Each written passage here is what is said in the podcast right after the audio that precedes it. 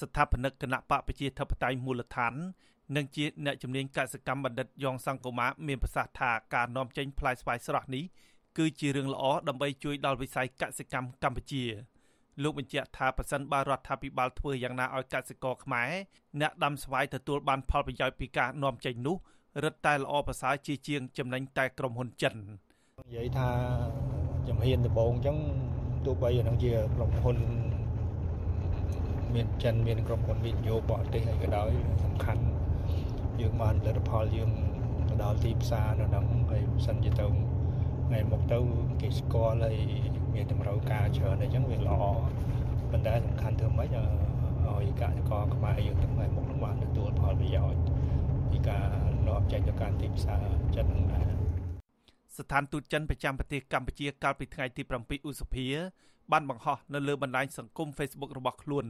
អំពីពិធីសម្ពោធជាផ្លូវការក្នុងការនាំចេញផ្លែស្វាយស្រស់ជាលើកដំបូងទៅកាន់ប្រទេសចិនតាមរយៈប្រព័ន្ធវីដេអូថាផ្លែស្វាយស្រស់ប្រមាណ100តោនបាននាំចេញជាលើកដំបូងទៅកាន់ទីផ្សារប្រទេសចិនប្រទេសចិនកាលពីខែមេសាឆ្នាំ2021បានចុះបញ្ជីលើចំការស្វាយចំនួន37កន្លែង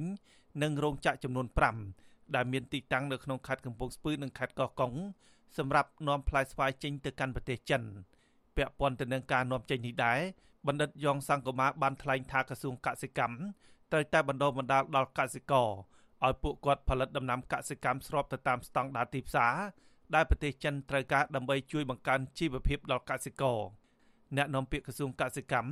លោកស្រីវុធីប្រាប់អាស៊ីសេរីថាក្រុមហ៊ុនចិនដែលនាំផ្លែស្វាយស្រស់ទាំងនោះពឹងផ្អែកច្រើនពីការប្រមូលទិញផ្លែស្វាយដែលត្រូវតាមស្តង់ដារពីកសិករនិងសហគមន៍កសិកម្ម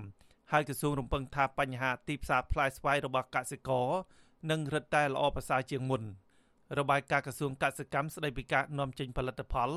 នៅក្នុងរយៈពេល4ខែឆ្នាំ2021នេះមានចំនួនជាង3លាន8សែនតោនទៅកាន់ប្រទេសចំនួន